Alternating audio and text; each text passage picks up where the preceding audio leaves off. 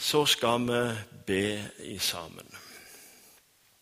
Kjære himmelske Far, vi takker for at vi får lov til å tilhøre deg. Vi takker for at vi får lov til å tjene deg, får lov til å være med i ditt rikes arbeid. Takk for du har sett meg i den tjenesten, tatt meg inn. Takk for du har tatt oss inn, alle som har tatt imot deg.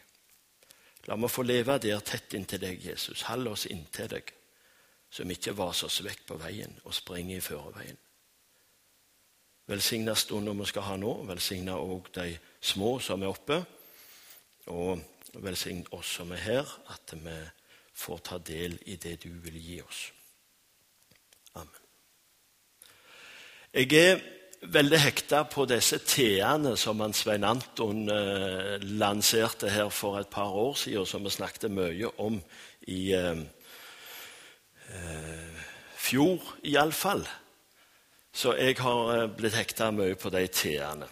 Eh, og jeg har nå tenkt igjen å ta for meg to av de, for jeg har sett at de henger så ja, Alle T-ene med tru og tilbe og tjene og tilhøre. Alt det henger jo sammen og er avhengig av en annen. Og kan ikke plukkes ut i løse lufta. Men særlig disse to, tjene og tilhøre, synes, har, har levd i meg lenge nå. Og, og, Da skal vi ta litt for oss det. Eh, og vi skal òg litt uti komme inn på det som er dagens tekst, som, eh, som eh, passer godt inn her. Og vi skal òg prøve å snakke litt om hvem er vi? Hvem er vi som forsamling? Hvem er vi som organisasjon? Og um, hvorfor? Jeg har vært innom en del av disse tingene, vet jeg. Uh, turavis her i misjonssalen, men uh, litt gjerne mer i sammenheng. I apostelgjerningene 27 står det for i natt sto det for meg en engel fra den Gud jeg tilhører, og som jeg kjenner. For den Gud jeg tilhører. Der er grunnlaget, der er festet. Jeg tilhører, og jeg er tjener. Han er herre, jeg er tjener. La meg ikke tvile på Dumt å bruke uttrykket roller. Men, men, forholdet her, ikke la meg tvile på det. Han er Herren, vi er tjenere. Den som vil tjene meg, står det i Johannes 12. Han vil følge meg. Der jeg er, der skal tjeneren min òg være. Om noen tjener meg, da skal Faderen ære han. Igjen litt om det forholdet tjene og Herre. Han lot følge meg. Han være der som jeg er. Vi kan ikke tjene noen som vi ikke har kontakt med. Vi kan ikke tjene noen som er fraværende i forhold til. Vi er nødt til å ha kontakt. Du kan ikke være en arbeidstaker i et firma som du ikke har kontakt med. Det vil være helt unaturlig. Og plutselig kan det være at du arbeider for noe annet eller det som, som denne bedriften jobber for. Han lyt følge meg. Igjen ser vi forholdet. Han er den som leder. Han er Herren. Jeg er etterfølgeren. Jeg er tjeneren. Vi må være i lag med han. Vi har ingenting å bringe til gards uten at vi gjør det i tjeneste for Herren. Vi har ingenting å fare med noen av oss i dette arbeidet vi står i i Guds rike, hvis vi går for egen maskin. Hvis vi går som en løsreven villhest som springer i øst og vest. I apostelgjerningene 20 står det men for min egen del akta jeg ikke livet mitt et ord verd, når jeg bare kan fullføre løpet mitt og den tjeneste jeg fikk av Herren Jesus, og vitne om evangeliet, om Guds nåde. Det er mitt løp, det er mitt liv, Det er du som er ansvarlig for ditt liv. Det kan du ikke skylde på noen andre. Du kan heller ikke leve på noen andre. Du kan kun leve ditt liv. Men jeg har fått ei tjeneste. Tjenesten tilhører Gud. Tjenesten tilhører Herren. Men i mitt liv, det er jeg som lever det for Herren. Hvis jeg lever for Herren. Mot Herren. Hvis jeg ikke lever for Herren. Så har vi fått ei tjeneste. Det er ikke noe vi har tatt.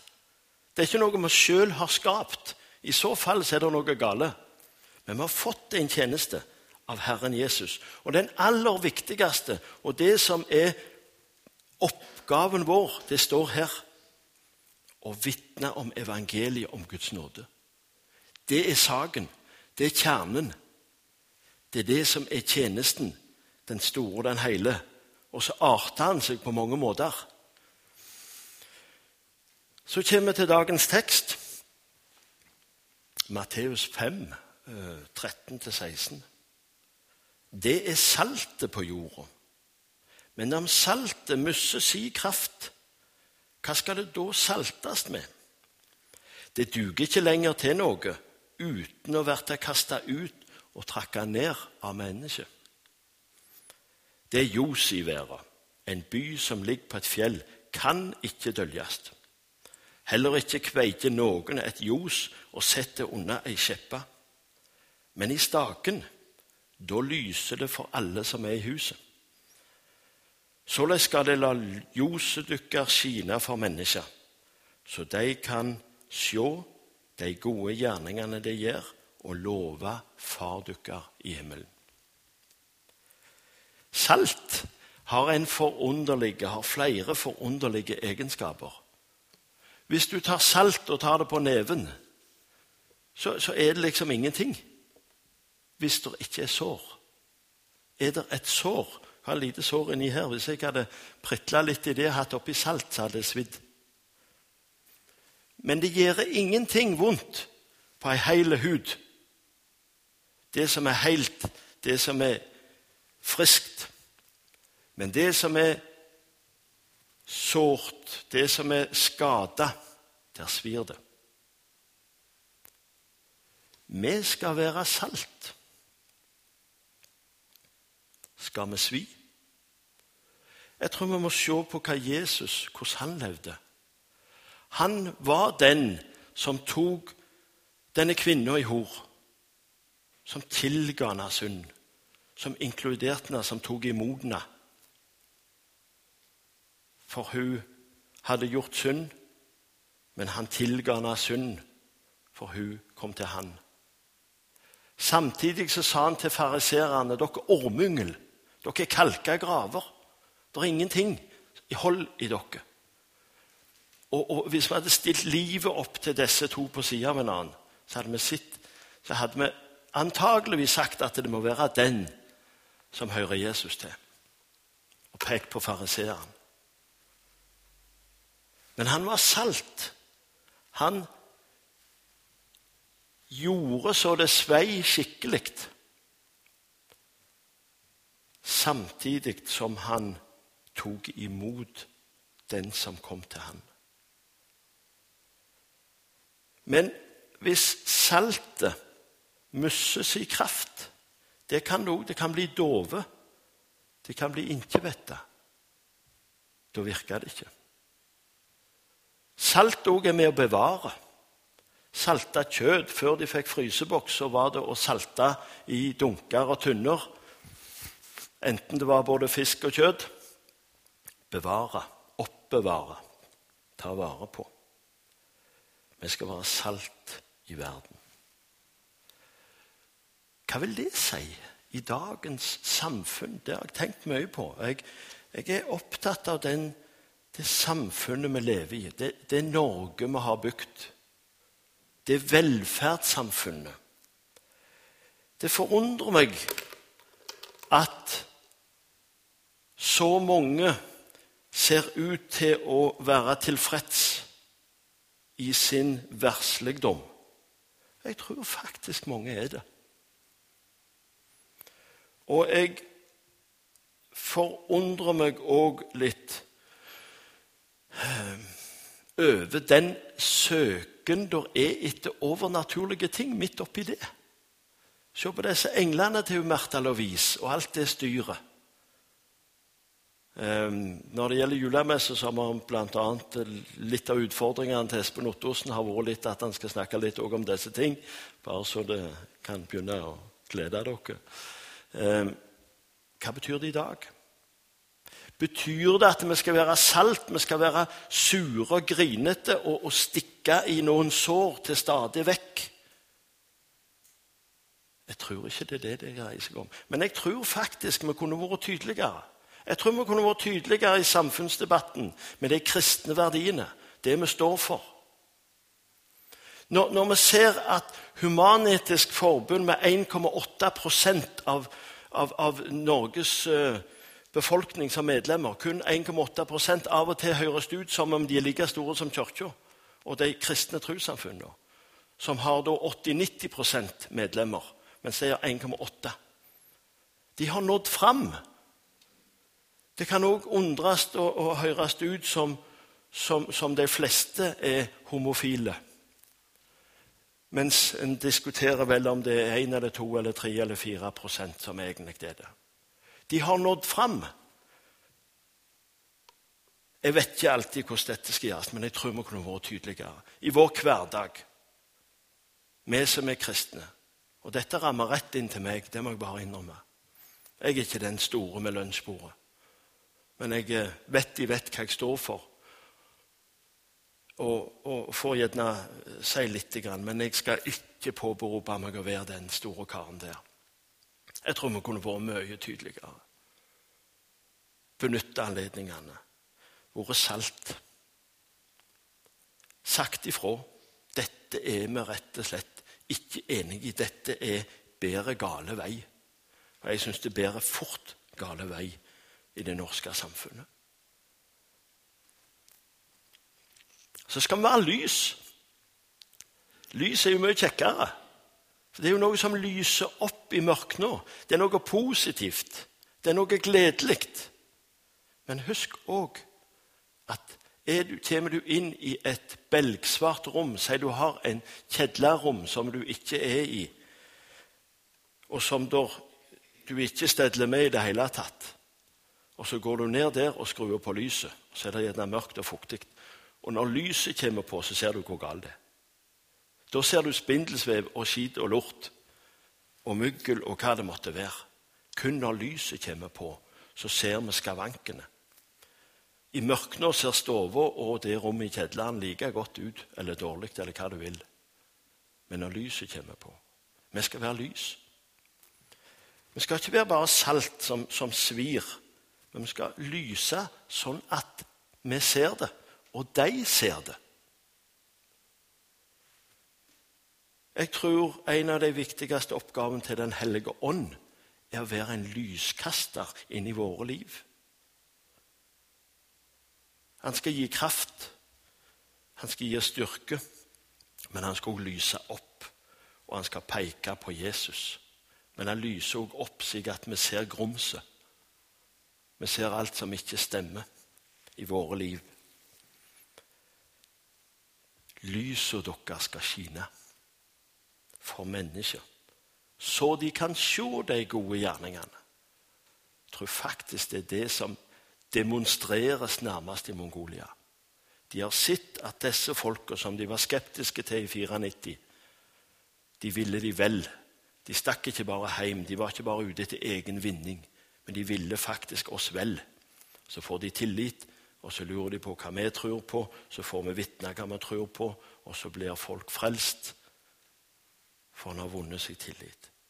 Men vi skal lyse fordi at vi kjenner lyset, det store lyset, som er Jesus Kristus. Han som døde for oss. Han som er hele grunnlaget for det kristne livet. Han som er, hele, han som er vårt håp og vår tiltro til for det evige livet. Han skal vi bringe ut. Han er lyset. Vi skal skine. Så skal vi ikke dekke det til, så skal vi sette det i lyseste dagen. Og en by oppå fjellet Slik som vi bor på Sviland, så har vi store vinduer mot øst. og Om kveldene så ser vi når flyene kommer fra Oslo, litt halvlågt, så ser vi et lys langt der borte. Og det er kilometervis vekke når vi ser det. Men i mørket nå er det ikke vanskelig å se. Det er ikke vanskelig å se hvis vi bærer Kristi lys med oss, tror jeg. Vi opplevde òg et fantastisk vitnesbyrd i Skavlan sist fredag med han eh, Kjetil Klungland. Og Det var faktisk en respons av de som sa de hadde sittet der og preikt tull og skit. Og så kom Klungland inn, sønnen til han politien som ble drept på Riska. Og han snakket om tilgivelse og, osv. så hvordan han hadde kommet gjennom dette. Og helt til slutt så sa han, og det ble til slutt, for Skavlan klipte rett av etterpå Helt tydelig. Så sa han at eh, 'jeg tror på en Gud'. Jeg er en kristen. Så var det en av disse deltakerne som sa det. Jeg, jeg forsto det. Noe sånt som, Jeg husker ikke akkurat hva ord, men det datt liksom ut av ham. Han måtte bare være. Jeg tror ikke vi skal forestille oss at vi får slippe til på den måten. Og det var fantastisk flott. Og Det skal ikke ta mot ifra oss at det må være så. Men der fikk han være et lys. Og midt inne i en skjeden verden, som var samtaleemnet. Vi skal være et lys. Et salt. Jeg tror det svei òg for noen. Jeg tror de skjemtes litt over samtaletemaet. Vet ikke. Jeg tjener fordi jeg tilhører min Herre. Igjen sier jeg det. Han er Herren, vi kjenner Han. Vi skal gå i ferdiglagde gjerninger. Vi skal ikke springe føre. Vi skal ikke planlegge i øst og vest og be Gud velsigne våre planer. Det gjør vi, tror jeg. Jeg er redd jeg òg gjør det rett som det. Jeg har så mye planer, har så mye skulle ordne, så jeg er redd jeg springer i forveien. Så ber jeg om at han velsigner mine planer. Jeg tilhører det hellige samfunn, forsamlingen, et lokalt fellesskap.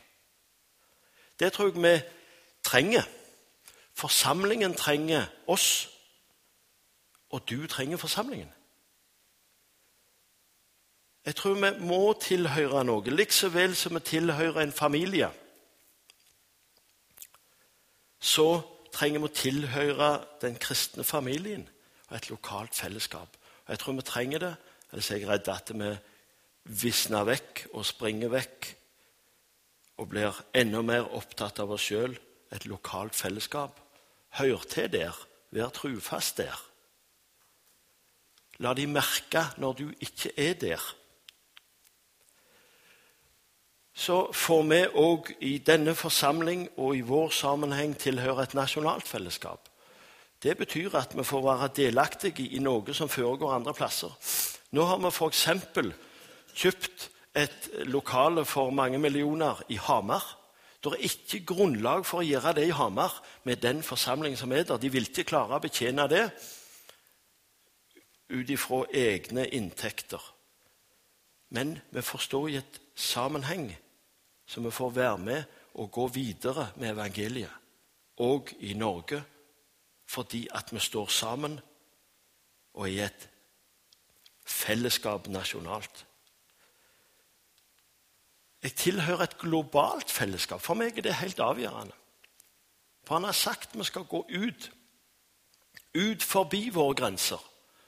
Og jeg, jeg har tenkt på det. Jeg var en plass og, og, og talte for en stund siden bl.a. til noen ungdommer. og Der fikk jeg litt følelsen av på forhånd når jeg snakket med de som styrte med møtet, at du trengte snakke veldig mye om, om misjon der ute, for vi har så mye her i vårt nærområde som skulle vært gjort. Så, så øh, den følelsen sa jeg med. At uh, legg heller vekt på det vi skulle gjort her. Ja visst, det er masse oppgaver. Sandnes Vi kunne vi kunne brukt alle våre krefter på Sandnes. Og vi skal bruke mye krefter på å vinne de i Sandnes.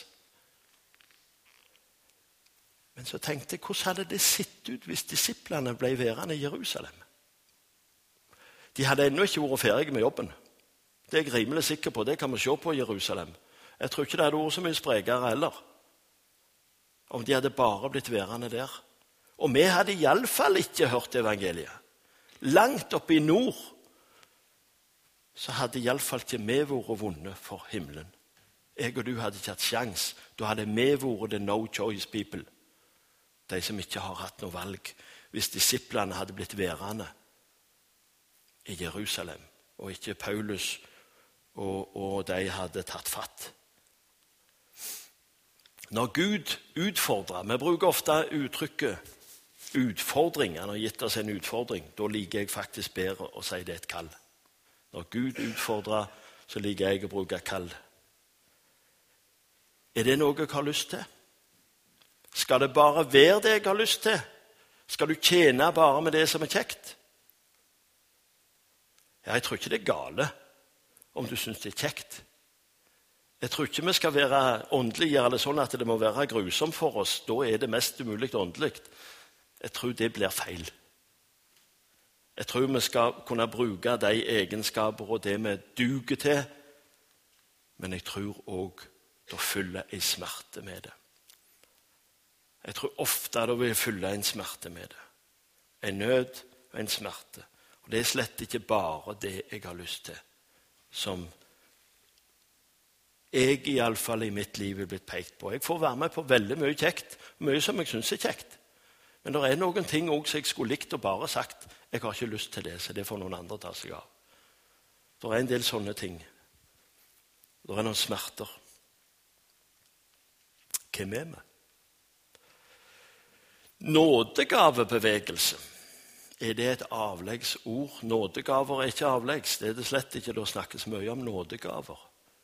Det betyr at det er ikke kunnskapen, det er ikke den akademiske utdannelsen som er utslagsgivende om du kan duge i vårt arbeid. Heller ikke våre forsamlinger, heller ikke som forkynner, heller ikke som misjonær. Det er ikke det som er, er, er kvalifikasjonen. Om en har de tinga. Men har du en nådegave? Ja, vi har det. Vi har fått noen nådegaver som vi skal tjene med. Både i det lokale fellesskapet og i det nasjonale og i det globale. Noen nådegaver som Gud har gitt oss. Og de vil vi skal være avgjørende i vår organisasjon for at de skal blomstre, uavhengig av profesjon. Nå er det riktignok blitt sånn at i en del ting så må det være en profesjon, og ikke minst på misjonsmarkedet etter hvert, for vi får ikke lov til å komme inn som den med nådegaven. Det nytter ikke å skrive det på CV-en sin i uh, Usbekistan. Uh, en må ha en fagutdannelse. Det, men det er ingen motsetning. Men vi trenger ikke sende noen til Usbekistan bare med et fagbrev. De har ingenting der å gjøre for vår del, uten de har en nådegave og har et budskap fra Gud som de vil gå med. De kan gjøre en flott jobb uansett. Lekmannsbevegelse det er enda mer avleggsgjerne. Hvem er lekmann? Kanskje det er litt forskjell på det nå og det det var før. Før ble det gjerne betegnelsen på, på, på fiskere og bønder, og, og, i motsetning til prester og, og, de akademisk lærde. Nå er det er, er mange lærde i ulike yrker. Eh, men, men vi mener jo det at du trenger ikke noen det er, ikke, det er ikke en teologiutdannelse som danner grunnlaget for at du kan være leder i en forsamling, i en organisasjon, i en krets, i en, eh, på, på, landsbasis eller hva det må være. Det er ikke profesjon, det er ikke utdannelse, det er ikke teologien eller den teologi, teologiske utdannelsen du har. Som, som er avgjørende. Vi, vi, ser at nådegaven skal vokse fram. ledere skal vokse fram, og de skal vi på demokratisk vis velge til å lede vår organisasjon. Vår forsamling det er et årsmøte som velger. Det finnes menigheter, forsamlinger, som har nærmest selv oppnevnende styrer, for de skal på en måte sikre seg. Det er jeg livredd. Det er livredd. Jeg tror det åndelige demokratiet, om vi kan kalle det det, de valgte sine, står det òg i apostelgjerningene. Ikke embetsstyrt og lågkirkelig. Igjen, vi har alle rettigheter. Vi trenger ikke tilsyn ifra noen biskop. Det er ikke et bispemøte som er øverste, men det er faktisk generalforsamlingen vår.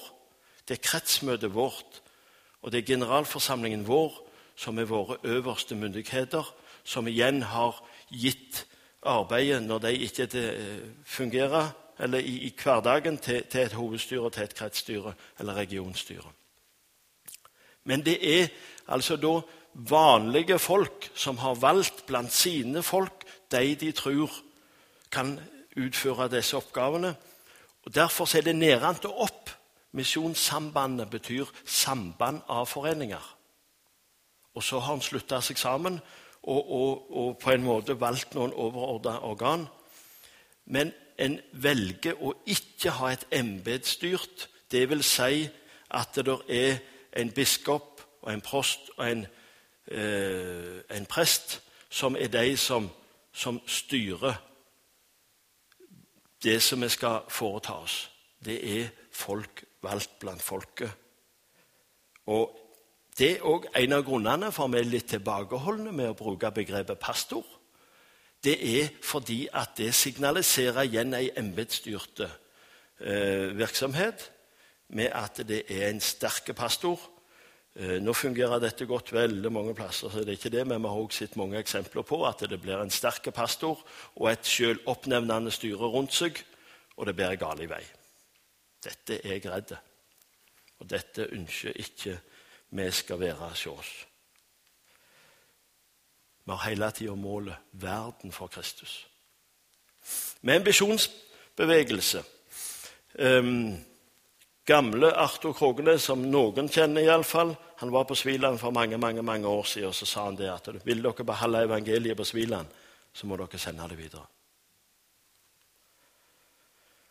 Og Det står i Markus 16, og han sa til dem, gå ut i all verden og forkynn evangeliet for all skapningen.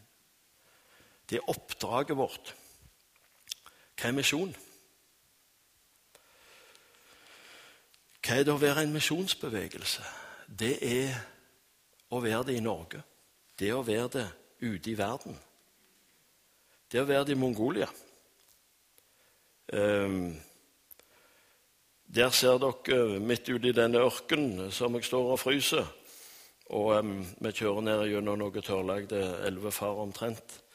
En uh, liten uh, sånn skøyen parentes. I 94 ble det vedtatt av generalforsamlingen å, å starte arbeid i Mongolia. Da hadde Grandhagen, som da var generalsekretær, farta litt der og gjort seg litt kjent.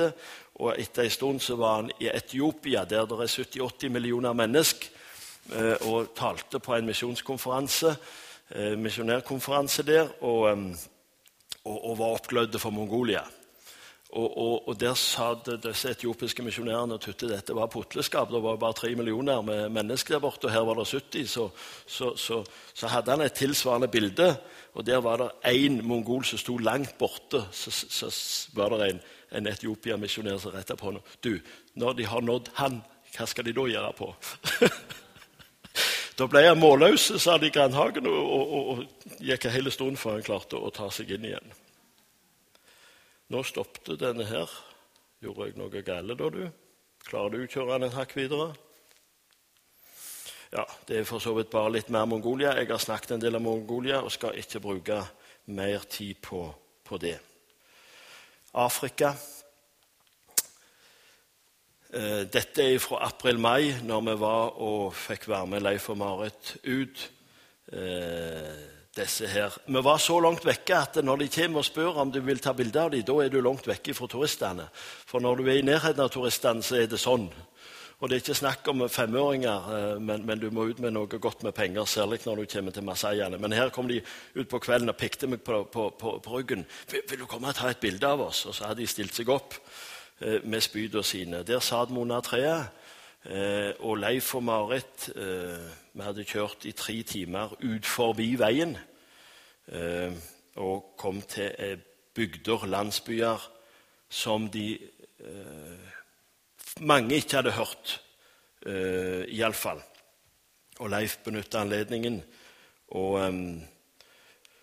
preikte. Og det var fantastisk å se hvordan Leif og Marit brukte tida på å la evangelisten og presten være frontfigurene. Når møtet begynte, så satte Leif og Marit seg på panseret på bilen og, og de styrte. Og Her har de planleggingsmøte. Jeg sneik meg med, for jeg ville være med og se hvordan dette virka. Da la de opp møtet. Og Vi var ute i bushen. Vi så ikke ei hytte i nærheten. Utpå kvelden så Det ble jo mørkt, for de måtte se film, og da var det mørkt, selvsagt, for det var ikke noen blendingsgardiner. Eh, så merket jeg det kom en og satte seg på sida der, og en bare fører der, og la ned spydet sitt og sette seg ned. Og eh, til slutt så sier nok Leif og Marit at det er antageligvis 300-400-500 mennesker under dette treet. En fantastisk opplevelse som Ogo Kari der fikk være med på. Og vi var ute og besøkte dem. Nå bare ta det med som en uh, slutt på det med misjonsbevegelse, bare som noen eksempel. Vi hørte Espen Hen her i fortalte fra Somaliland. uh, veldig sterkt. De er nå ute igjen. Reiste ut den 26. oktober og er, er, på plass igjen. Vi får både be om og huske på at eh, om, om helsa til Ingjerd kunne, kunne holde videre, og de kunne få arbeide videre. Kjetil og Renate er vel ennå ikke reist inn, men eh, kommer nok til å gjøre det om ikke så lenge. Og Tormod og Siri er der, eh, så, så, de er litt ut og at Eh, til og fra i forhold til Nairobi. Marit sendte meg en melding fra Gazaboy, en av disse plassene der ute, som, der der, sier, der, hun sier det at når vi var i Gazaboy på møte, og på første rad så satt fire eldster, og for ei av konene eh, der skulle, skulle døpes. Når vi var der for to og et halvt år siden, så satt òg eldstene, men da sa de bakerst og lurte på med noen svære øyne hva dette var for noe mirakel som kom. Ingen var kristne i Gazaboy. Nå er det ca. 20 som er døypte, og gjerne enda mer nå. Og nå satt eldstene på første benk. Det forteller litt om hva vi får være med på. Det gjelder livet. Det er ikke en hobby. Det er ikke noe fritidsaktivitet. Det gjelder livet.